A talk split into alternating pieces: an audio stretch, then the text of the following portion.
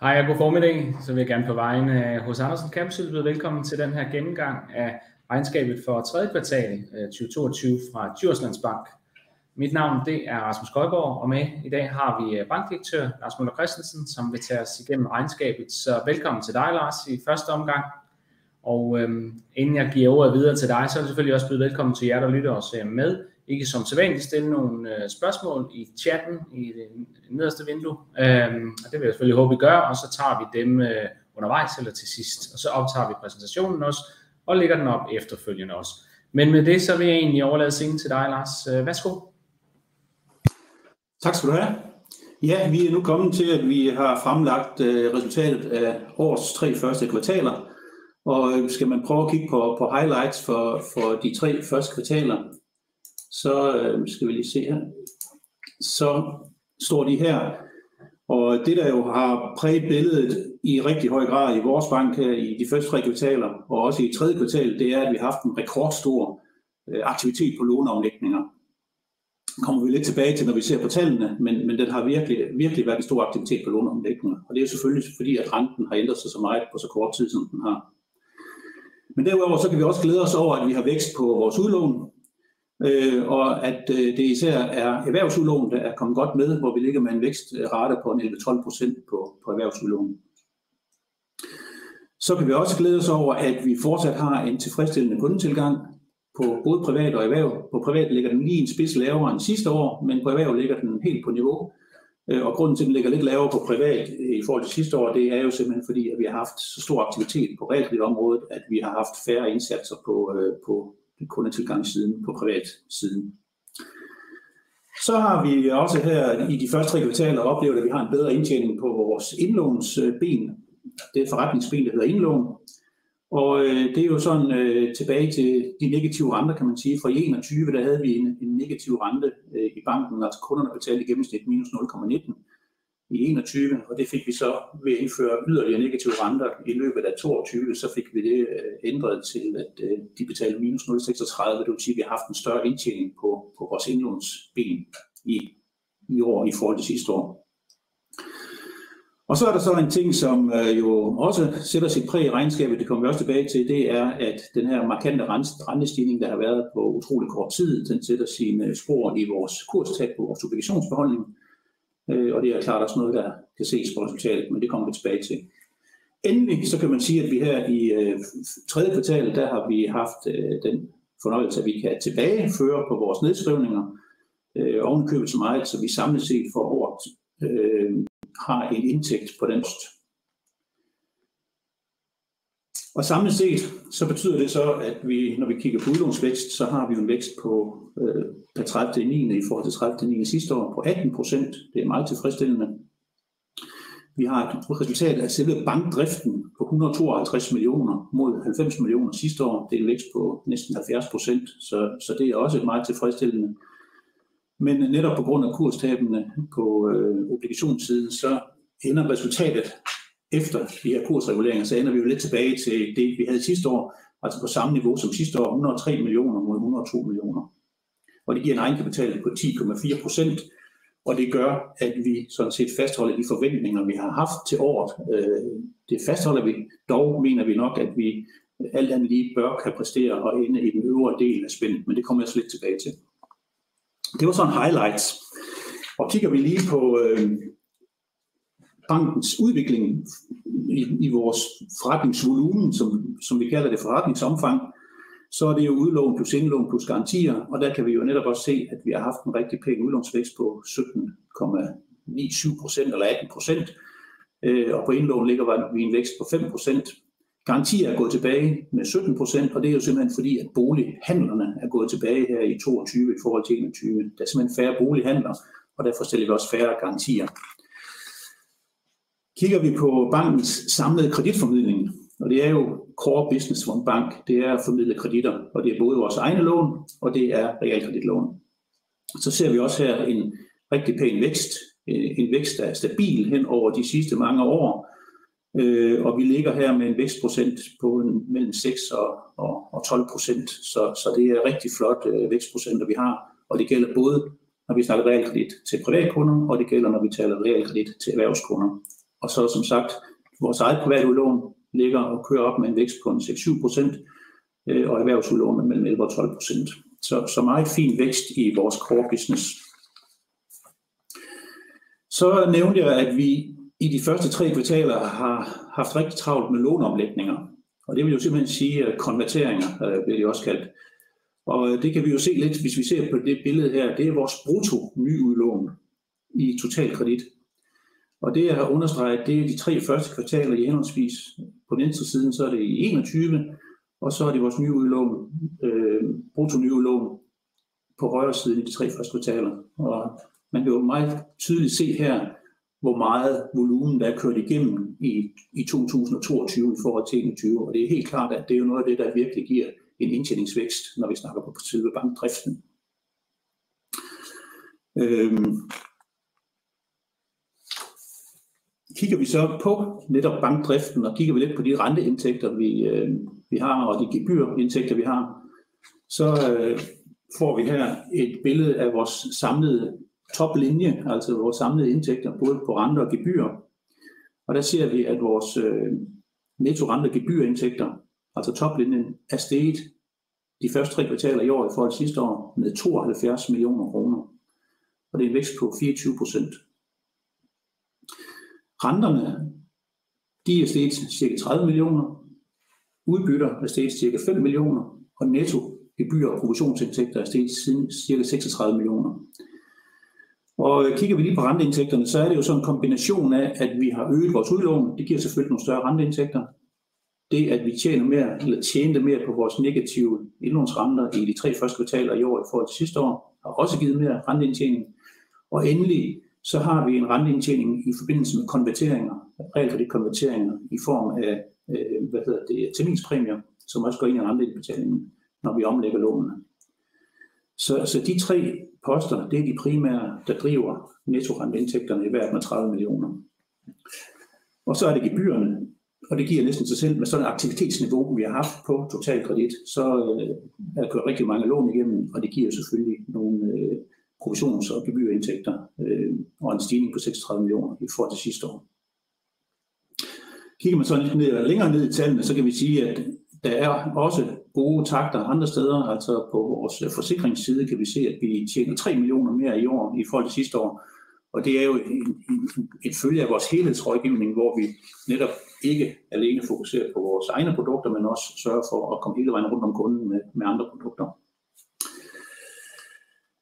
Ja, toplinjen, en stigning på, på 72 millioner kroner. Og øh, kigger vi så lidt på, hvad det så holdes op mod i forhold til ressourceindsatsen, det er så vores udgifter, og de stiger så med 10,3 millioner kroner, eller 5 procent. Og øh, det er jo en, en rigtig fornuftig udvikling. Øh, 5 procent, det passer meget godt med vores øh, budget. Vi realiserer vores omkostningsvækst lige en spids under vores budget her for, for tredje kvartal. Så derfor ligger vi samlet set øh, cirka en million under vores øh, omkostningsbudget. Så det er jo også rigtig fint, når man tænker på den fremdrift, vi ellers har haft i, øh, i banken her i, øh, i sidste, de sidste tre kvartaler. Det vi kan se på øh, udgifterne, der hvor de stiger, det er jo øh, personalomkostninger, det er overenskomstmæssige stigninger, øh, og så er det IT-omkostninger. og IT-omkostninger er jo selvfølgelig drevet af af både, at vi skal udvikle IT til at effektivisere vores arbejdsprocesser, vi skal udvikle IT til at give vores kunder nogle bedre løsninger, og vi skal udvikle IT til at klare de her regulative krav, der stadigvæk øh, kommer ind over bankerne. Men øh, en fin omkostningsudvikling, og øh, når man så sammenholder det med vores fine indtægtsfremgang på toplinjen, så får vi jo så en basisresultat, det man også kan sige resultat af selve bankdriften, på 152 millioner kroner for årets tre første kvartaler. Og det er så holdt op mod 90 millioner øh, sidste år, og en vækst på 69 procent. Øh, så det er en særdeles tilfredsstillende vækst og tilfredsstillende niveau, og det er det højeste niveau, vi har haft på bankdrift i bankens historie. Det er sådan selve bankdriften, og så, så har vi nogle andre poster, det er sådan dem, jeg sådan lidt populært kalder, kalder konjunkturposter, fordi selvfølgelig kan vi selv påvirke dem en del, men langt hen ad vejen, så er de også påvirket af de konjunkturer, vi er inde i. Og det er jo kursreguleringer, som er meget afhængige af det renteniveau, vi har, og så det nedskrivninger, som er meget afhængig af, af det, øh, den økonomi, vi har i samfundet, om det er opgangstider eller nedgangstider. Og kigger vi først på kursreguleringerne, så øh, kan man jo se her, at det er jo et voldsomme ting og sager, der er sket her i årets tre første kvartaler. Øh, og vi kom ud med en negativ kursregulering på 60 millioner kroner. Øh, og kigger man lidt i kassen til højre på planchen, så kan man jo se, at, at det er jo sådan set det, vi samlet set har haft i negativ kursregulering på vores obligationsbeholdning. Det er jo sådan, at vi har en meget stor overskudslikviditet, øh, over 3 milliarder i overskudslikviditet, og det placerer vi jo henholdsvis i Nationalbanken, og det placerer vi i vores obligationer. Og vi ligger med en obligationsforholdning på omkring 3,2 milliarder.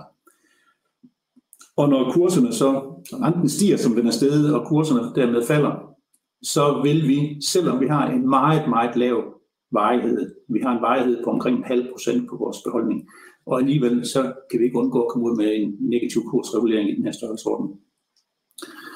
Men øh, nu må vi jo så se, det her det er jo sådan, at vi kommer til at bogføre tabet i år, hvis det er sådan, at øh, nu ved jeg ikke, hvad der sker med renten i det sidste kvartal her, øh, men forudsat, at den kommer til at ligge nogenlunde stabil, så er det omkring de her 60 millioner, vi forventer at komme ud med et årsplan. Til gengæld, så er det jo sådan, at vi ligger med en meget stor andel af vores obligationsbeholdning i variabelt forrentede obligationer, og de får påsat en ny rente hver tredje måned eller hver sjette måned. Så det er helt sikkert, at de her 3 milliarder, de kommer til at give en helt anden indtjening øh, det kommende år, bare via renteindtægten. Så, øh, så det er så den positive side af historien med at have den store obligationsbeholdning.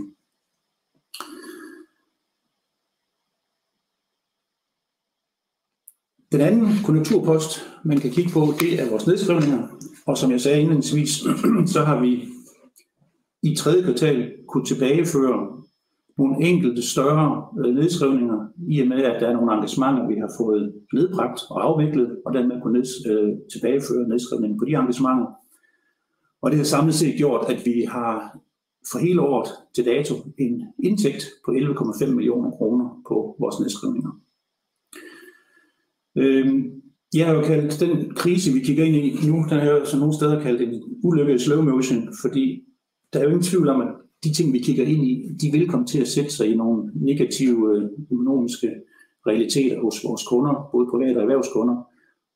Og vi er ret overbeviste om, at vi, når vi kigger lidt fremad, vil komme til at se større nedskrivninger på vores udlån.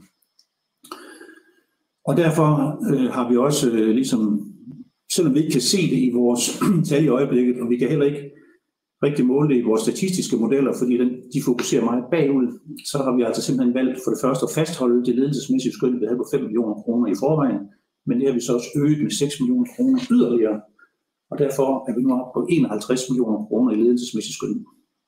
Så altså samtidig med, at vi tilbageført 11,5 millioner, så har vi øget vores ledelsesmæssige skøn med 6 millioner. Det giver så et resultat før skat på 103,2 millioner. Lige en spids bedre end sidste år. Øh, og når man kigger på det store øh, negative kursregulering, vi har haft, så er vi faktisk rigtig godt tilfredse med at kan lande ud på et niveau som sidste år. Øh, og vi er også tilfredse med, at vi kan forvente, at vi øh, for resten af året når vores øh, helt oprindelige udmelding mellem 100 og 130 millioner kroner, og vi regner med at komme til at ligge i den øvre del af intervallet. Men det er helt klart, at det, der kommer til at kan ændre, at vi ikke kan holde den her forudsigelse, det er jo, hvis renteniveauet ændrer sig rigtig meget. Hvis vi får et markant yderligere øh, rentestigning, så kan det selvfølgelig ændre nogle ting. Men, men øh, ved uændret rente, så, øh, så burde vi helt klart kunne realisere et resultat i den øvre del af det her interval mellem 100 og 130 millioner. Kigger vi på vores kapitaludvikling, så stiger egenkapitalen støt og roligt hen over årene fra 2018 til 2022, og vores egenkapitalforretning hedder nu 10,4 procent med, med det resultat, vi har præsteret i, på nuværende tidspunkt. Og jeg kunne også godt tænke mig lige at tage vores øh, kapitalprocenter med den her gang, hvor jeg viser, at vi har nu en kapital, netkapitalprocent på 23,4 mod kravet på 16,7 så det er en pæn overdækning øh, på kapitalsiden. Vi har i tredje kvartal hjemtaget yderligere 100 millioner kroner i supplerende ansvarlig kapital, øh, tier 2 kapital, for at polstre os øh, yderligere, sådan at vi er godt forberedt på, at vi får stigende kapitalkrav i sektoren frem mod 1. januar 2024. Og jeg tog også lige et billede med til højre her på vores likviditet, så fordi kapital og likviditet er jo to vigtige nøgletal for en bank, øh, og på begge sider kan man sige, at de, de to billeder her, de viser, at vi ligger særdeles komfortabelt både på kapital og likviditet. Vores indlån, som det står her, det er jo eksklusiv vores puljer, det ligger på 8 milliarder, som skal holde sammen vores udlån på 4,6 milliarder, og det giver en overskudslikviditet på 3,4 milliarder. og al vores indlån, det er fra øh, helt almindelige indlånsindskydere, så vi har ikke større blokindlån eller andet. Og det vil sige, at vi har en utrolig stabil indlånsbase, øh, og det er også med til at sikre en bank. Det sidste billede, jeg så lige har med, det er jo lidt omkring vores aktier. Øh, fordi at øh, der, der er mange ting, jeg synes, jeg forstår omkring sektorens udvikling og, og, og tingenes udvikling, men en gang imellem så undrer jeg mig lidt over øh, vores egen aktiekursudvikling.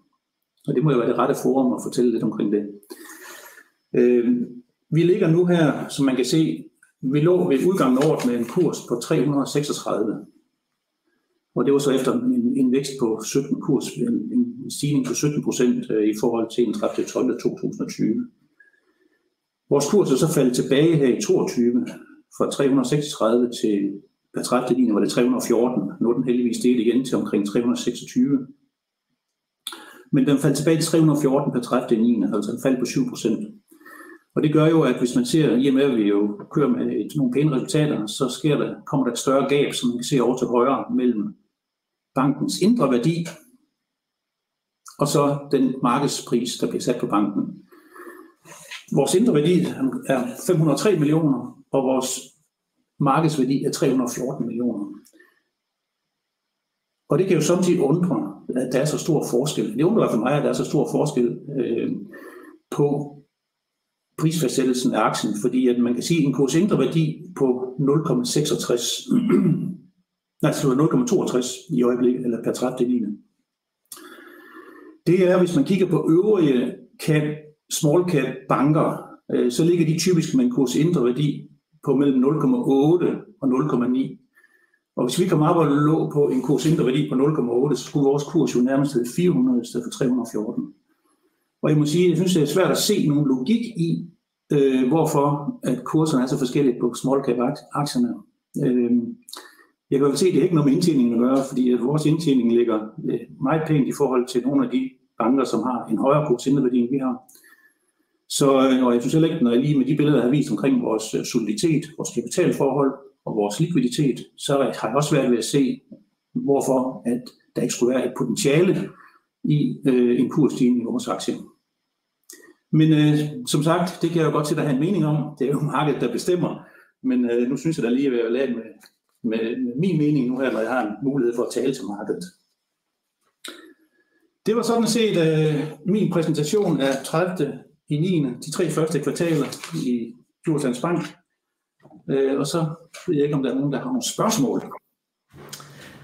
Tak for det, Lars. Jo, men der er kommet et spørgsmål ind undervejs her også, og, og man kan sige, jamen det er jo selvfølgelig det, du slutter af med her. Jamen det er jo rigtigt, at øh, man kan sige, at markedet har altid ret, indtil der er nogen, der opdager, at markedet har taget fejl måske, hvis det er sådan. Og det er jo så det, man kan, det, man kan håbe på, hvis det er sådan, at man, øh, man aktionerer, ikke? At, øh, ja, at der er nogen, der, eller markedet har, har taget fejl derude. Men, men det er rigtigt nok, at, og det er jo noget, vi har set, kan man sige, de seneste år, at, øh, at en stor del af bankerne i det segment, altså sådan det mindre og mellemstore segment som jeres, de har handlet under kursindre værdi, hvor vi egentlig har set, at de større nordiske banker, tror jeg egentlig efterhånden er begyndt at handle op over 1 og, og omkring 1,1, 1,15 og sådan noget, hvis vi ser bort fra Danske Bank, som jo er en lidt en anden, en anden historie, men hvis vi nogle af de andre. Så, så nogle gange så er det lidt med den der prissætning, og øh, hvornår er markedet effektivt og sådan nogle ting. Øh, så, men, men, øh, men nok om det, lad os tage nogle af de spørgsmål, der kom ind i hvert fald. Øh, fordi der var en, der spurgte lidt her også omkring det her med, øh,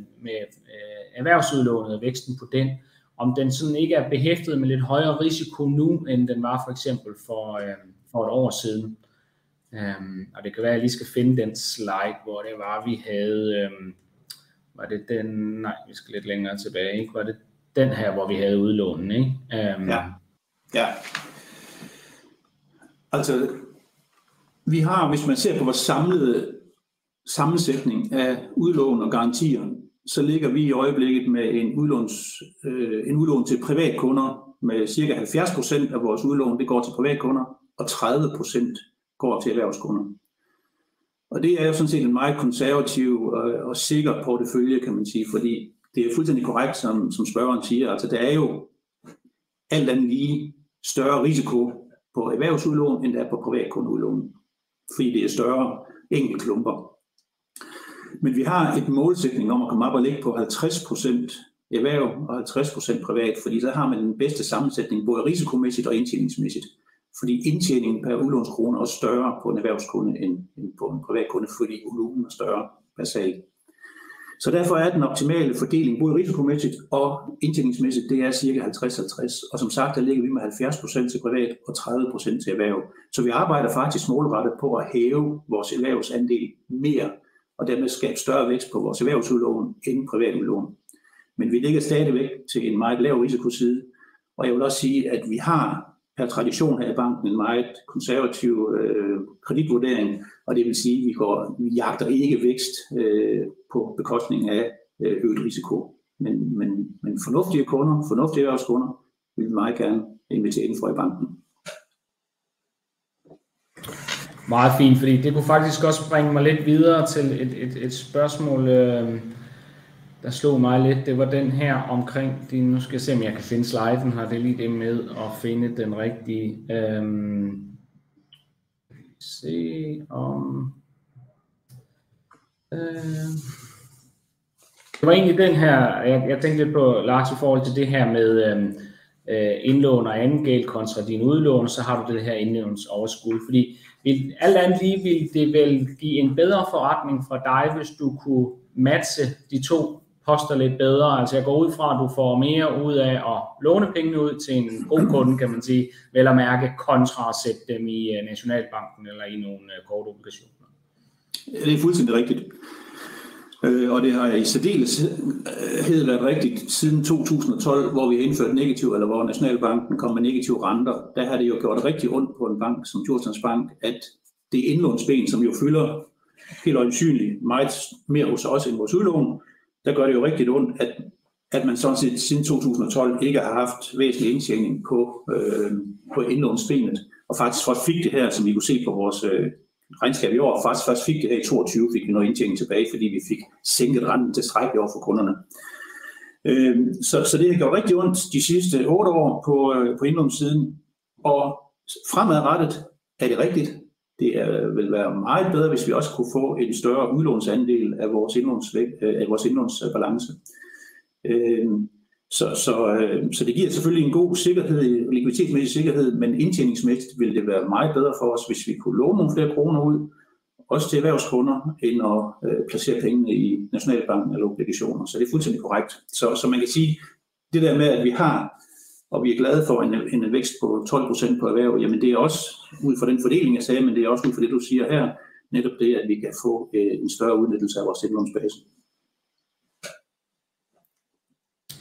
Godt. Og så var der faktisk også et spørgsmål her, Lars, omkring det her med, altså hvad fortæller sådan feedbacken fra erhvervskunderne?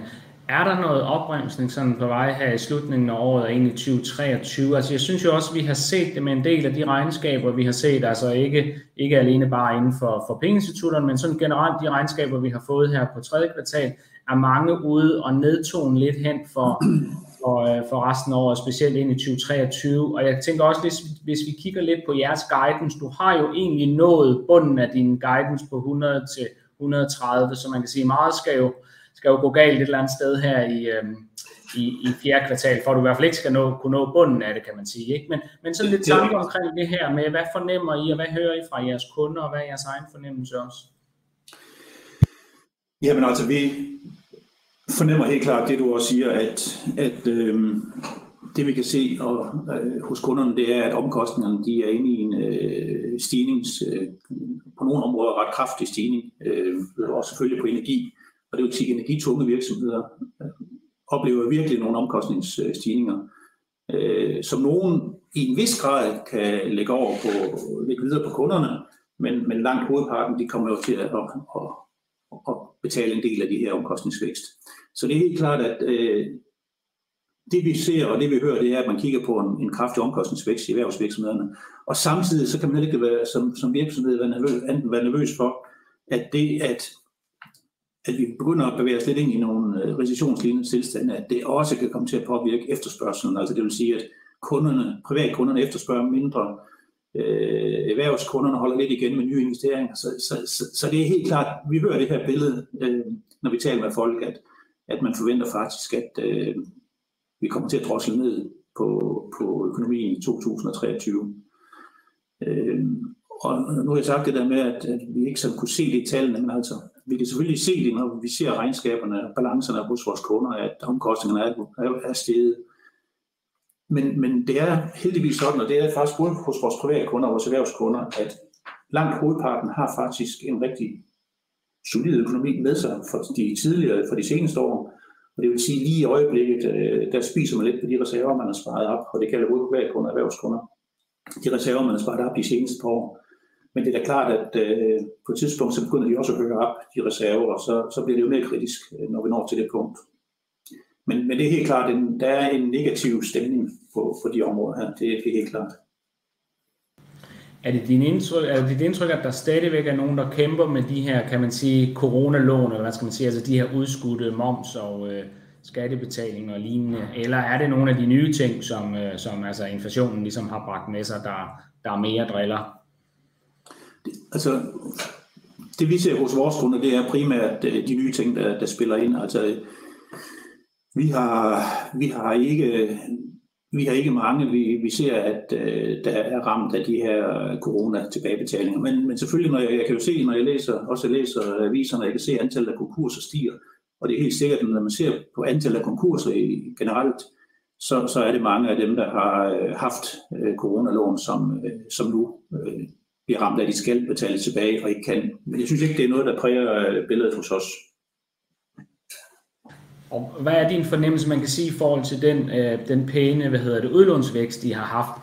Er det en, der ligesom er øh, gået for, for den største del, kan man sige, til, til fremtidige altså investeringer og lignende, som ligesom øh, kan hjælpe? Eller er der også noget af det, der, der er gået til, kan man sige, det er kuller med nogle steder? Hvad er sådan din, din fornemmelse der?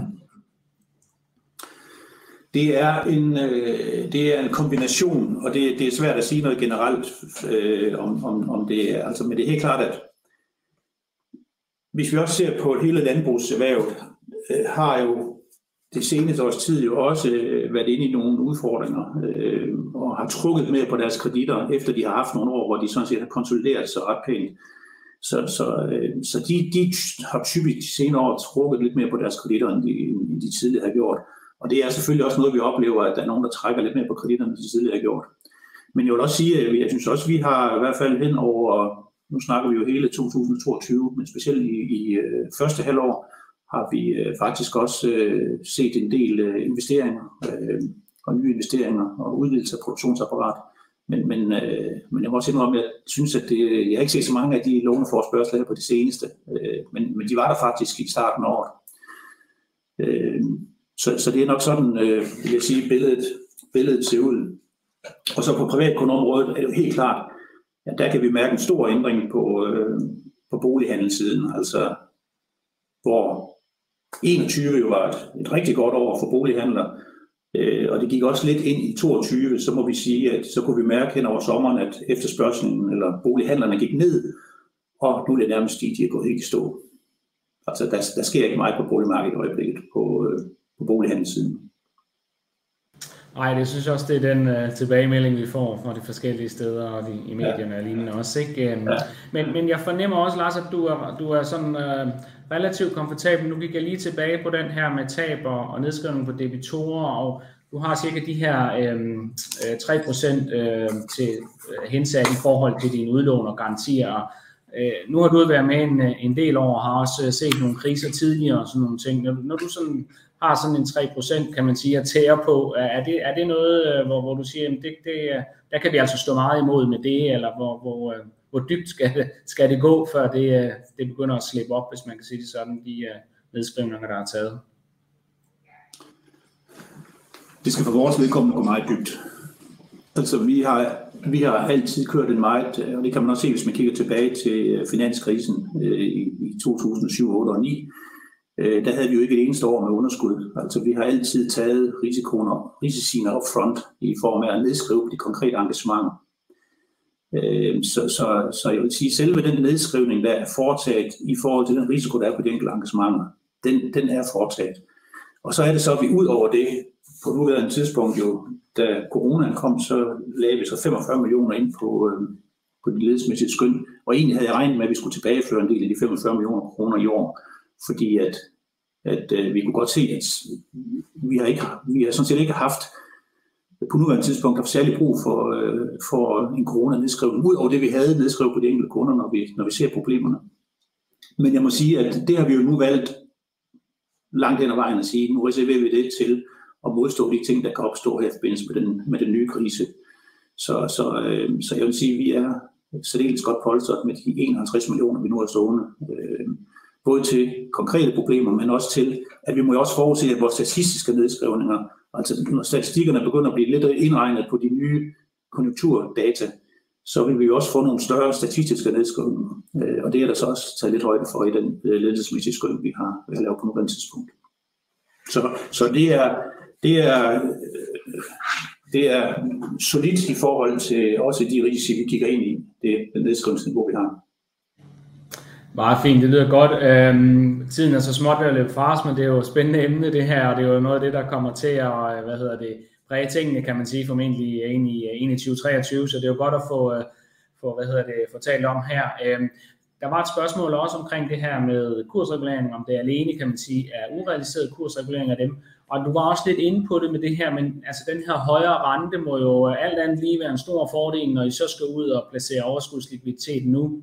Øh, så det kan godt være, at der er lidt kortsigtet øh, øh, negativ effekt, kan man sige, ikke? Men, men det giver jo også noget langsigtet positiv effekt forhåbentlig, at de kan placere til en, til en højere rente nu.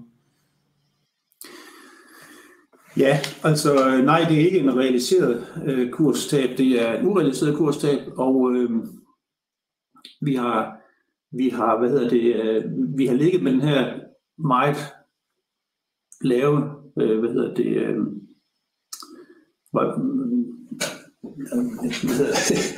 øh, øh, vejhed, du er det, det, det ord lige.